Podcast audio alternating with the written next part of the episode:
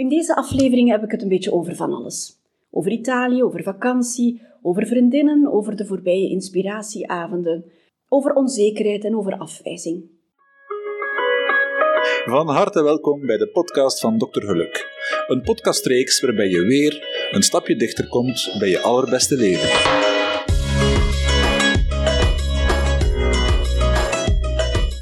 Ik ben Saskia van Warenberg, arts en coach en ik heet je heel erg welkom in deze nieuwe aflevering. Waar je ook zit, waar je ook ligt en als je onderweg bent, hou het zeker veilig. Ik ben net terug van Italië. Wij zijn vrijdag vertrokken naar Italië voor één enkel weekendje maar. Hè. En ik wou daar dit over zeggen. Heel veel mensen hebben als reactie, oei, voor één weekendje naar Italië, oei, met de auto, zo ver, oei, en het gaat daar slecht weer zijn. Ja, zou je dat wel doen?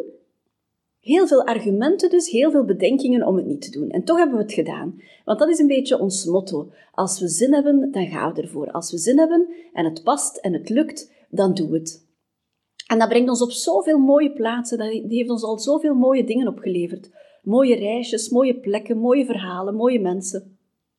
Mijn lief is een buitenjongen en die voelt zich heel gelukkig in de bergen. En ik ben graag in Italië, dus dat was gewoon een win-win. En ook al was ik vrijdag wat moe, de voorbije weken waren heel druk geweest, en ik zat eigenlijk hormonaal op mijn slechtste dagen. En ik heb dat al eerder in een andere aflevering gezegd. Ik heb twee goede weken waar ik heel energiek ben, ehm, heel veel kan doen op een dag. Maar dan zijn er ook twee weken, en zeker enkele dagen in die twee weken, waar ik eigenlijk wat stilval, waar ik het heel rustig wil doen, waar ik op mezelf wil terugplooien. En dat was eigenlijk vrijdag het geval. Maar we hadden dat al halvelings afgesproken, dus ik ben meegegaan. Ik ben eigenlijk heel blij dat ik meegegaan ben, omdat, het, omdat ik anders waarschijnlijk toch maar een dag in de zetel zou gelegen hebben. Versta me niet verkeerd, het is heel belangrijk dat je naar je lichaam luistert. Hè? Ik heb dat ook zo gezegd, van ik wil meegaan, maar ik wil me daar niet gaan haasten. Ik wil daar niet tegen de klok van alles gaan doen. Laat me gewoon maar wat chillen, laat me gewoon maar wat rustig zitten, wat kijken, wat wandelen en dat is voldoende voor mij. Het hoeft niet vlug, vlug en veel, veel te zijn dan. We hadden ook een adresje gekregen om op zaterdagavond te gaan uh, eten. En we zaten aan een tafel waar ook nog een ander koppel zat. Hè. En dan zou je eigenlijk al van in het begin denken, verdorie, we hadden wel een tafeltje alleen. Maar dat is zo goed meegevallen. Hij was een Zwitser, zij was een Française, een nieuw samengesteld gezin. Hij had op zijn 42 jaar een hersentrombose gehad. We zijn met die mensen aan de praat geraakt en dat was zo fijn hè, om te horen hoe corona daar geweest was, in Zwitserland, in Frankrijk, hoe het leven in Zwitserland is, hoe de mentaliteit in Frankrijk is. Een hele, hele fijne avond. We hebben daar eigenlijk nog tot een stuk in de nacht samen gezeten. En dat was eigenlijk een heel onverwacht leuke, leuke avond. En dat is ook dat ja zeggen. Hè. Je zou op voorhand kunnen denken van wat hebben wij met die mensen te maken. En wij zitten, wij zitten hier nu met ons tweetjes, we gaan hier gewoon met ons tweetjes eten. Maar het is maar als je open staat voor alles, hè, voor nieuwe mensen, voor nieuwe culturen, nieuwe nationaliteiten, nieuwe leeftijden. Het is dan pas dat het interessant wordt en het is dan pas dat je ook weer dingen bijleert. Bijvoorbeeld, wist jij dat er in Frankrijk momenteel geen mosterd te vinden is? Wel, wij zijn dat te weten gekomen. Hè. Die vrouw zei, een heel groot probleem in Frankrijk. Blijkbaar komt... Uh, komen de mosterdgraantjes uit Canada. Wel, sinds een paar maanden is er geen mosterd meer te vinden bij ons. Oké, dat is een weetje, maar ik vond het fijn om dat te weten. In elk geval een heel fijne avond. Was dan een heel fijn weekend. En oké, we hebben lang in de wagen gezeten, heel veel. Maar we hebben naar muziek geluisterd, we hebben kunnen babbelen, we hebben kunnen dromen. We hebben afwisselend kunnen slapen. Ik heb naar podcast kunnen luisteren en ik kreeg onderweg ook een berichtje van iemand die de terugweg in de andere richting had aangevat. Die terug naar uh, België was gereden vanuit Italië en die zei van de rit gaat zoveel sneller als ik naar je podcast luister. En ik kan het begrijpen, want ik luister ook de hele tijd naar podcast. Ik vind dat ook een, een zinvolle tijdsbesteding, hè? muziek ook. Maar als ik naar een podcast luister, dan heb ik altijd wel iets bijgeleerd, of dan ben ik altijd wel geïnspireerd. En ik hoop dat mijn podcast dat met jou ook doet, natuurlijk. Een weekendje Italië dus. Ze hadden slecht weer voorspeld. We hebben het beste weer gehad daar. We hebben daar volle zon gehad. Dus ook dat zou ons niet mogen tegenhouden. Hè. En dan nog eens, als slecht weer is, dan zit je thuis altijd binnen. Hè. Dan ga je niet buiten gaan eten. Maar als je op reis bent en het is slecht weer of het is bewolkt weer, dan ga je sowieso sneller buiten komen. Dus je bent sowieso vaker in de natuur. Dus doe dat, kom buiten, doe een daguitstapje, ga ergens naartoe op het onverwachts. Spreek mensen aan, hè. maak een babbeltje met iemand. Daar kunnen zoveel mooie dingen uit voortvloeien. Aanrader dus. En dan zijn we intussen aan de laatste schoolweek. Onze oudste studenten hier, die zijn al klaar met school. De examens zijn achter de rug en die hebben gewoon vrije tijd. Die moeten nog één keer naar school. De jongsten zitten wel nog op school. Maar dat maakt dat er eigenlijk weinig structuur is. Hè. Wie is er thuis, wie is er niet thuis? En zeker al in een nieuw samengesteld gezin met co-ouderschap, wie gaat er dan thuis zijn, wie komt er dan mee eten, wie is er dan weg, wie blijft slapen, wie niet. Dus dat is eigenlijk een beetje een chaotische periode. En ik merk dat ook bij anderen, dat, bij andere ouders, hè, dat het einde van het schooljaar dikwijls een chaotische periode is. Hè. Iedereen kan vrijnemen van het werk om bij zijn kinderen te zijn. Maar die kinderen moeten opgevangen worden, moeten bezig gehouden worden. Laat je die alleen thuis? Moeten die bij de grootouders? Wat, wat doen die intussen? Dus dat geeft wel wat onrust, zeker, rond mij. Het is ook zo dat mensen die een halve vrije dag bijvoorbeeld hebben, die vier vijfde werken of die halftijds werken, die mensen staan daar ook op. Die willen graag eens alleen thuis zijn, weg van de drukte van, van het hele gezin. En als iedereen dan ineens thuis is, of, of onverwachts thuis is, dan valt heel die structuur in duigen. En het eerste wat ook weggaat dan, is het momentje voor jezelf. Dus let daarop. Hè. Als iedereen in huis is en je staat op je vrije momentjes, eis die ook op. Hè. Zorg dat je die dan op een andere manier, dat je toch wat tot rust kan komen in die momentjes voor jezelf. Ik weet niet hoe het zit met je vakantieplannen, maar ik hoop dat je ook wel uitkijkt naar je vakantie. Je vakantie is een periode om op te laden, om nieuwe dingen te zien, of, of het oude vertrouwde. Het kan zijn dat je elk jaar naar jezelfde vakantieadresje gaat, maar het is wel de bedoeling dat je daar kan onthaasten, dat je daar kan opladen, dat je daar tot rust komt en dat je daar weer dichter bij jezelf komt. Hè. Dikwijls is dat ook een periode om te zien wat je niet meer wilt. Hè. Een soort eikingspunt van, oké, wat was het voorbije jaar? Hoe was het voorbije jaar? Wat behouden we? Wat was goed? En wat nemen we mee naar het volgende werkjaar? Misschien ontdek je dat je helemaal niet graag meer je werk doet. Misschien ontdek je dat je eh, graag in de natuur bent, dat je meer moet gaan wandelen het komende jaar. Of dat je op zoek moet naar een andere job, dat je minder gaat werken, dat je misschien verder kan met minder geld, maar met meer vrije tijd. Dat dat iets meer is dat bij jou past. Dus de vakantie dient daarvoor, een soort rustpunt in het drukke werkjaar. Maar zorg ook dat je daar weer jezelf niet voorbij loopt. Hè. Iemand die gaat pleasen, die gaat altijd akkoord zijn met wat men voorstelt. Hè. Maar als je in gezelschap reist, of je reist met je gezin of met je partner, zorg ook dat je dingen doet waar jij blij van wordt. Niet alleen maar waar de anderen blij van worden, maar pas je ook niet de hele tijd aan. Hè. Ik heb mensen die van vakantie terugkomen en die eigenlijk doodmoe van vakantie terugkeren, omdat ze alleen maar in functie waren van de anderen. Die alleen maar keken van wat hebben onze kinderen graag? Wat heeft mijn partner graag? En die daarnaar leefden, maar die eigenlijk vergaten wat ze zelf graag hebben op vakantie. Dus let daar eens op voor jezelf. De voorbije weken heb ik veel gecoacht, had ik veel afspraken. Het komt toch vaak terug op de jeugd hoor. Heel vaak kunnen je problemen of de dingen waar je mee worstelt terug te leiden zijn naar je kindertijd. Hè? Wie was je als kind? Welke ouders had je? Welke relatie hadden je ouders? Wat zijn de dingen die ze jou ingepompt hebben? Wat zijn de vooroordelen die ze jou meegegeven hebben? Wat zijn jouw belemmerende gedachten om iets niet te kunnen volbrengen, om iets niet te doen wat je graag zou doen? Heel veel is terug te leiden op die kindertijd.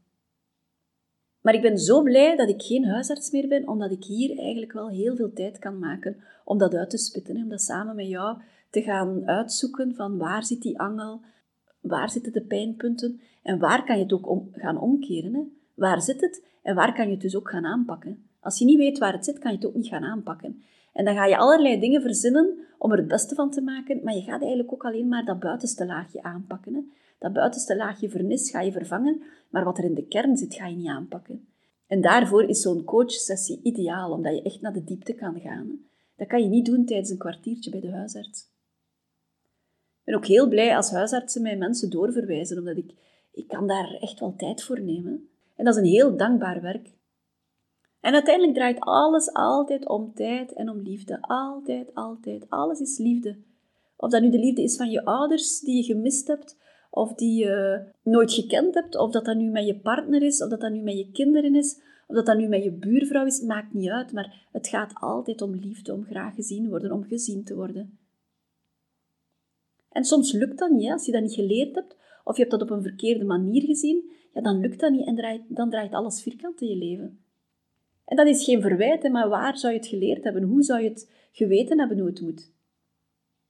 En elke keer, elke keer denk ik, Waarom krijgen we dat niet op school aangeleerd? Waarom wordt ons niet geleerd op school wat onze valkuilen zijn, hoe we in relatie tot anderen staan en waar dat vandaan komt? En hoe we dat eigenlijk al vroeg kunnen aanpakken, zonder daarvoor eerst mensen te moeten kwetsen of onszelf te moeten kwetsen.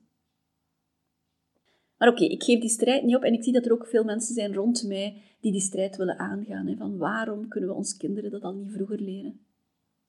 Ik had ook twee inspiratieavonden de voorbije weken. Dat waren avonden rond stress en ontspanning. Je moet je dat voorstellen dat ik dan een groep vrouwen ontvang. Oké, vrouwen, geen mannen. Dat hoor ik ook dikwijls. Hè. Waarom geen mannen? Maar laat me dat weten. Als je zou geïnteresseerd zijn om dat in een mannengroep te komen doen, een of ander onderwerp, hè, relaties bijvoorbeeld. Ik denk dat dat heel waardevol is als ik hier met een groep mannen daar ook zou kunnen over spreken. Hè. Hoe denken vrouwen? Hoe kunnen wij aan mannen leren wat belangrijk is, wat wij belangrijk vinden? Hè? Welke fouten zij willen snelles maken? Ik denk dat dat heel waardevol is. Maar ik ben er niet van overtuigd dat een man zich snel gaat blootgeven in groep. Een man staat nogal graag in zijn kracht en gaat zeker niet graag kwetsbaar worden in groep. Maar laat het mij weten als je daar interesse zou voor hebben. Ik wil dat zeker begeleiden, ik wil dat graag doen. Ik denk dat het ook de partners ten goede komt, of de toekomstige partners, of de kinderen. Het is voor iedereen een win-win. Als jij een baas hebt die goed in zijn vel zit en die zijn problemen kan aanpakken bij de wortel, dan gaat die baas zich ook anders gedragen naar zijn personeel. Dan gaat hij anders omgaan met de vrouwen in zijn personeel. Dus ja, ik wil het graag doen, maar ik wil alleen maar weten van, is er genoeg interesse? Zie je dat zitten om als man in groep daarover te komen praten en daarover van gedachten te komen wisselen. Dus dit terzijde. Oké, dit waren twee inspiratieavonden met vrouwen, twee groepen vrouwen. Heel fijn dat altijd. En het is altijd bijzonder om te zien hoe onzeker of hoe nerveus uh, veel vrouwen toekomen. Hè, van wat gaat het zijn? Ik weet niet wat ik moet verwachten. Hoe gaat dat hier verlopen? Ga ik moeten aan het woord komen? Uh, ga ik dat wel durven? Ga ik iets moeten vertellen? Ga ik niet beginnen wenen? En dat loopt eigenlijk vanzelf allemaal los, omdat heel vaak is er één iemand die zich kwetsbaar opstelt en dat is meteen een vrijgeleide voor de anderen om, om zich ook kwetsbaar te mogen opstellen. En dat is eigenlijk heel mooi, want het is daar waar de herkenning begint. Hè? Als elke vrouw hier heel sterk zou staan en haar masker zou ophouden en zeggen dat ze het allemaal op een rijtje heeft en dat bij haar alles gesmeerd loopt, hè? En haar relatie, en de relatie met haar ouders, en de relatie met haar kinderen. En op haar werk is ze fantastisch. En het huishouden loopt perfect. Ja, wat hebben we dan te leren van elkaar? Ten eerste geloven we niet. We geloven haar niet, dus het zou nog meer weerstand opwekken. We zouden haar zelfs niet sympathiek vinden, want het is gewoon ongelooflijk. Onmenselijk ook eigenlijk. Het is maar als we zien dat een ander het ook wel eens moeilijk heeft, hè, dat het bij een ander ook allemaal niet ideaal loopt, daar gaan we de herkenning vinden. En daar gaan we de sympathie vinden en, en het medeleven voelen voor elkaar. En dan gaan we zelf ook beginnen vertellen van ja, bij mij is dat ook. Ja, ik herken dat. Ja, bij mij is dat ook. En dat is heel mooi om dat zo, tijdens zo'n avond te zien. Hè? Want ik geef dan wel wat les en ik, ik, alles wat ik zeg is wetenschappelijk onderbouwd. Hè? Uit de positieve psychologie of uit de, uh, uit de neurologie. Hè? Hoe werken hersenen, hoe werkt motivatie, hoe werkt uh, de imprint als kind? Hoe werken jouw overtuigingen? Dat zijn dingen die, waaraan heel veel wetenschappelijk onderzoek al is gewijd. Dus dat deel ik graag met jullie. Maar het meest herkenbare stuk natuurlijk, hè, dat is de theorie. Maar de dingen die jullie tegen elkaar vertellen, dat zijn eigenlijk, denk ik, de meest waardevolle dingen nog om mee naar huis te nemen. Het feit van, ik sta niet alleen. Ik ben niet alleen. En dat je daar ook aan kan denken als het wat moeilijk wordt. Van, ah ja, maar die had dat ook toen, die heeft dat ook verteld. En dat is denk ik de kracht van de inspiratiegroepen. Buiten de tools dan die ik jullie geef om te gaan ontspannen. Hè, de ademhalingsoefening, hoe ga je je dag indelen? Hoe ga je het aanpakken volgende keer als je voelt dat de stress weer stijgt? Er was zo bijvoorbeeld een, een vrouw, ik vond dat een heel mooi voorbeeld en, en eigenlijk herkenbaar in, in allerlei variaties dan. Hè. En ze zei, op een dag kwamen, kwamen mijn ouders mee eten en ik zie, zegt ze, dat mijn zoon uit de frigo een potje gekochte confituur neemt. En dat potje geconfituurd, zegt ze, dat is, wij eten dat normaal niet. Maar mijn zoon moest koekjes maken, had daar een speciale confituur voor, waar een, waar erop de, die pot gaan kopen. En normaal gezien maak ik zelf confituur. En dus ik zie mijn zoon die pot confituur op tafel zetten en de eerste reactie, zoals ik had verwacht van mijn mama, was, wat? Koop jij je confituur in de winkel? Waarop dat meisje zich begint te verantwoorden en heel die uitleg begint te doen.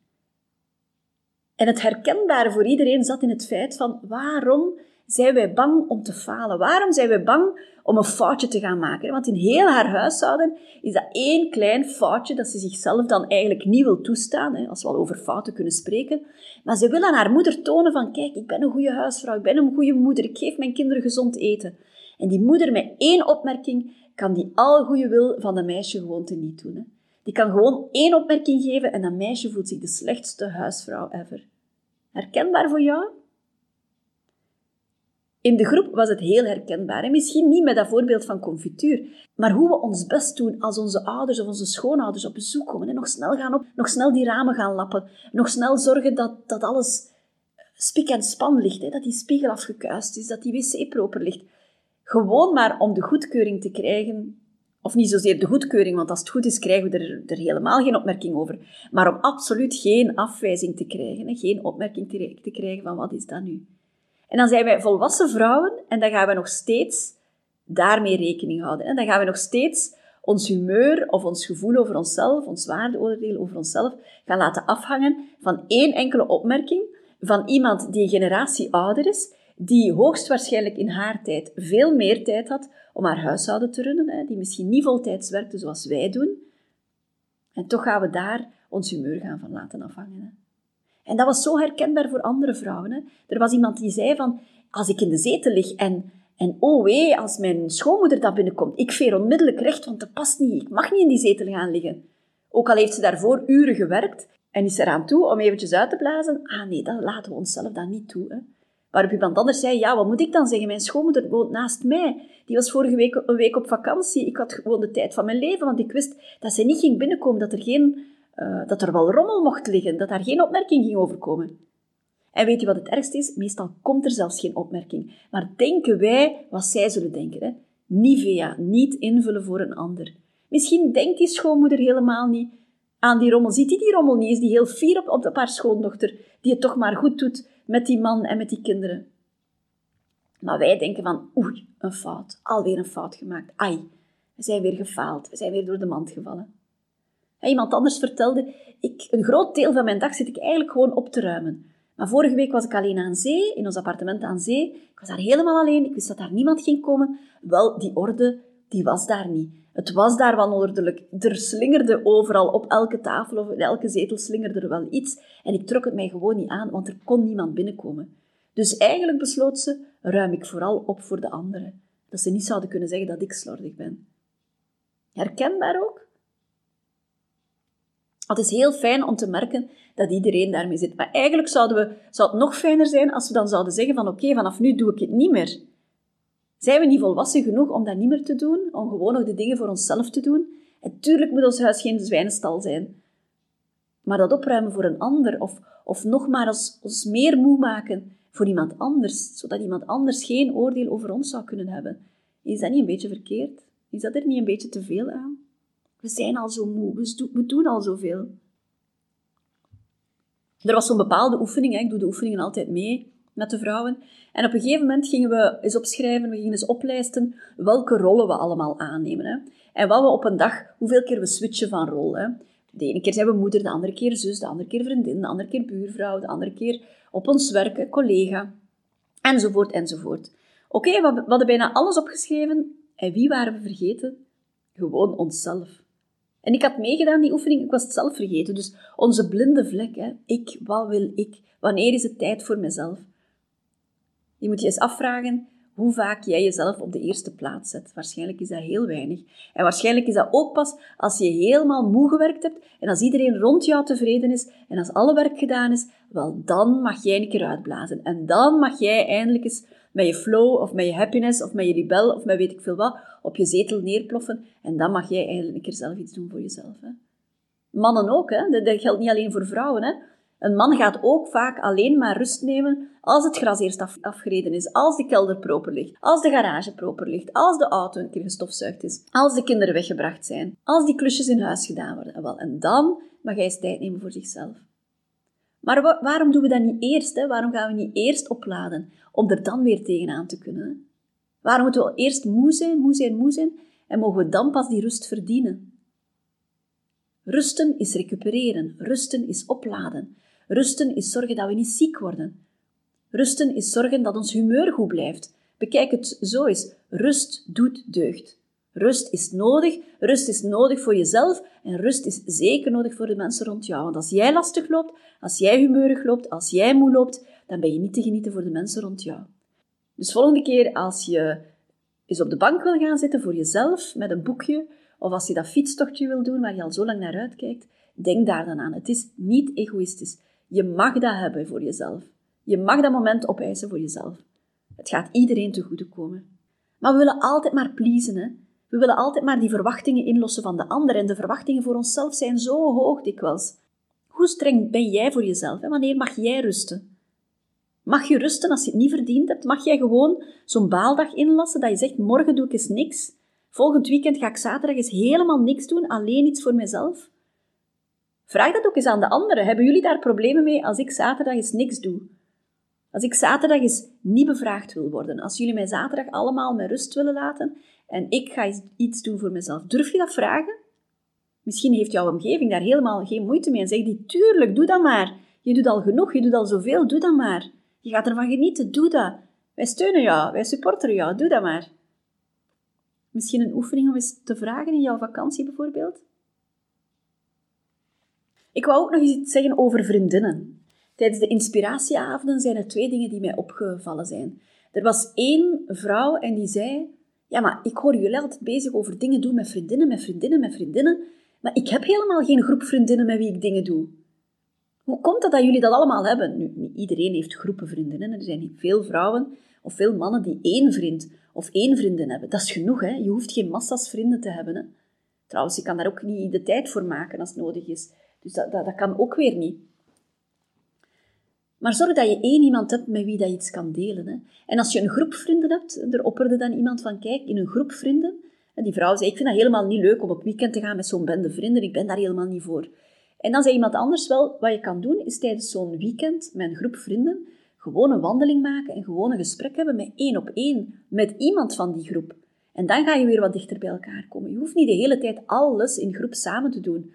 Maar je kan bijvoorbeeld gaan koken met de ene vriendin. En je kan bijvoorbeeld in de zetel gaan zitten met de andere. En je kan tijdens de wandeling naast nog iemand anders lopen. En daar creëer je connectie. Daar ga je een verbinding uh, gaan creëren om, om nadien ook weer verder te kunnen. Want vriendschap is zo waardevol om te delen, om te ventileren, om tijd samen door te brengen, om elkaar te helpen, om geholpen te kunnen worden. En een andere vrouw zei, vriendinnen, uh, ik vertrouw niemand meer. Ik heb alleen nog maar vriendinnen van vroeger en nieuwe vriendinnen, die vertrouw ik niet, die komen er niet meer in. Voel je hoe die zichzelf op slot zet en hoe die voor zichzelf zoveel uitsluit? Nieuwe vriendinnen hoef ik niet meer. Nieuwe vriendinnen vertrouw ik niet meer. Dus dat wil zeggen dat je een babbeltje kan doen met iemand, dat dat een hele leuke vrouw kan zijn, dat dat misschien een hele goede vriendin kan worden, dat je heel veel uh, raakpunten hebt, maar dat je dat toch gaat uitsluiten, want ze is nieuw, dus ze is niet te vertrouwen bij voorbaat. Terwijl heel veel van mijn goede vriendinnen zijn er maar de laatste jaren bijgekomen. Ik zou ze voor geen geld van de wereld nog kunnen missen. En die vriendinnen van vroeger zijn er ook nog en die zijn even waardevol. Maar het is toch niet omdat iemand nieuw is dat die niet te vertrouwen is, dat dat ook geen goede vriendin kan worden. Ik vond dat zo jammer voor die vrouw dat die van op voorhand al zoveel uitsluit voor zichzelf. Dat ze zich zo tekort doet met vanuit een wantrouwen geen nieuwe vriendschappen meer aan te gaan. En dan vraag ik mij af, hoe gekwetst kan je dan zijn in het verleden, hè, dat je dat afsluit voor jezelf?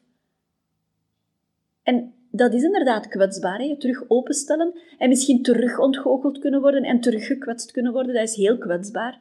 Maar als je dat niet doet, dan ontzeg je jezelf zoveel. Hè?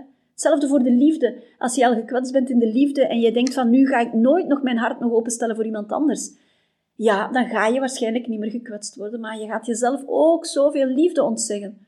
Want misschien zit jouw droompartner daar wel ergens, hè? maar ga je het niet willen zien, omdat je niet meer gekwetst wil worden. Ga je je niet meer openstellen voor die andere partner. Kwetsbaarheid geeft kracht. Kwetsbaarheid is nodig.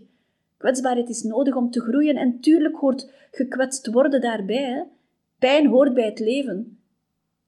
Maar er is ook zoveel schoonheid die je niet mag ontzeggen. Dus geef je over aan die kwetsbaarheid. Denk van oké, Ik ga misschien falen, ik ga misschien gekwetst worden, ik ga misschien uitgelachen worden, ik ga misschien verdriet gedaan worden, maar toch ga ik ervoor, toch ga ik voor die vriendschap nog. We zullen wel zien waar het heen leidt, zonder dat krampachtig te willen. Hetzelfde met de liefde, als je dat krampachtig wilt, dan is dat niet goed. Maar overgave, hè, zien wat het wordt, meegaan in de bochten, mee met de flow, zien waar je naartoe leidt. En misschien leidt het nergens naartoe, oké, maar dan heb je het toch maar geprobeerd. En dan heb je je toch maar opengesteld. En misschien valt het dik tegen, oké, maar volgende keer beter. Maar als je niet openstelt, als je binnen blijft zitten, als die deur op slot gaat, als die deur van je huis op slot blijft, als die deur van je hart op slot blijft, ja, dan gaat er niemand binnenkomen. Hè? Vriendschap en liefde, het maakt je leven zoveel mooier, zoveel rijker. Op moeilijke momenten kan je erop teren, hè? Kan, je erop, op, op, kan je rekenen op die mensen. Maar hou jezelf niet op slot. Hè? Geef het een kans. En uit een kans kan iets moois komen. En dat hoeft daarom niet direct je beste vriendin of je beste vriend te worden hè, uit een gesprek. Maar dat kan iemand zijn die jou iets leert. Eén iets maar, waar dat je mee verder kunt. Eén uitspraak. Of iets praktisch waar dat je mee geholpen wordt. Eén tip. Misschien groeit er iets meer uit. Hè. Wordt dat echt een hele goede vriend, een hele goede vriendin. Of misschien wordt het wel de partner van je leven. Dat kan ook. Probeer dat eens te doen volgende week. Hè. Openstaan voor een babbel, openstaan voor een gesprek. En zie wat eruit voortvloeit. Alleen al een leuk moment is voldoende. Als jij naar de winkel gaat en je hebt tegen niemand gesproken, oké, dan keer je naar huis en dan heb je gewoon je boodschappen gedaan. Of je hebt een babbeltje gedaan, dan heb je misschien iemand gelukkig gemaakt, heb je misschien iemand een complimentje gegeven en ben je misschien iets te weten gekomen. En dan is jouw dag veel mooier geworden en dan ben je niet alleen met boodschappen naar huis gekomen, maar ben je ook met een voller hart teruggekomen. Dus probeer dat eens. Ik wens je een mooie vakantie, ik wens je een mooie week. Als je tips hebt voor nieuwe podcast, ik ga binnenkort ook wel wat interviews doen, alleen moet ik er de tijd voor vinden om die afspraken vast te leggen. Ik vertrek binnenkort op vakantie. Maar als je tips hebt voor onderwerpen, laat het mij zeker weten. Je vindt mij op Instagram onder dokter geluk. Je vindt mij ook op Facebook onder dokter geluk. Ik heb een website www.doktergeluk.com. Ik heb een coachingpraktijk in Erpenmeren. Je kan je ook inschrijven op de nieuwsbrief als je op de hoogte wil blijven van de inspiratieavonden. Die beginnen terug in september. Ga daarvoor naar mijn website. Hou je goed, zorg ervoor dat je elke dag iets bijleert, iets kleins. En zo kan je elke dag een betere versie van jezelf worden. Een heel klein beetje, stapje voor stapje. Tot je samenvalt met wie je echt wil zijn. Tot je buik, je hart en je hoofd op één lijn zitten. Want dan klopt alles. En dan kan je echt gelukkig zijn. En dan kan je ook gezond zijn. Gezondheid en geluk hangen samen. Fijne week. Tot volgende keer.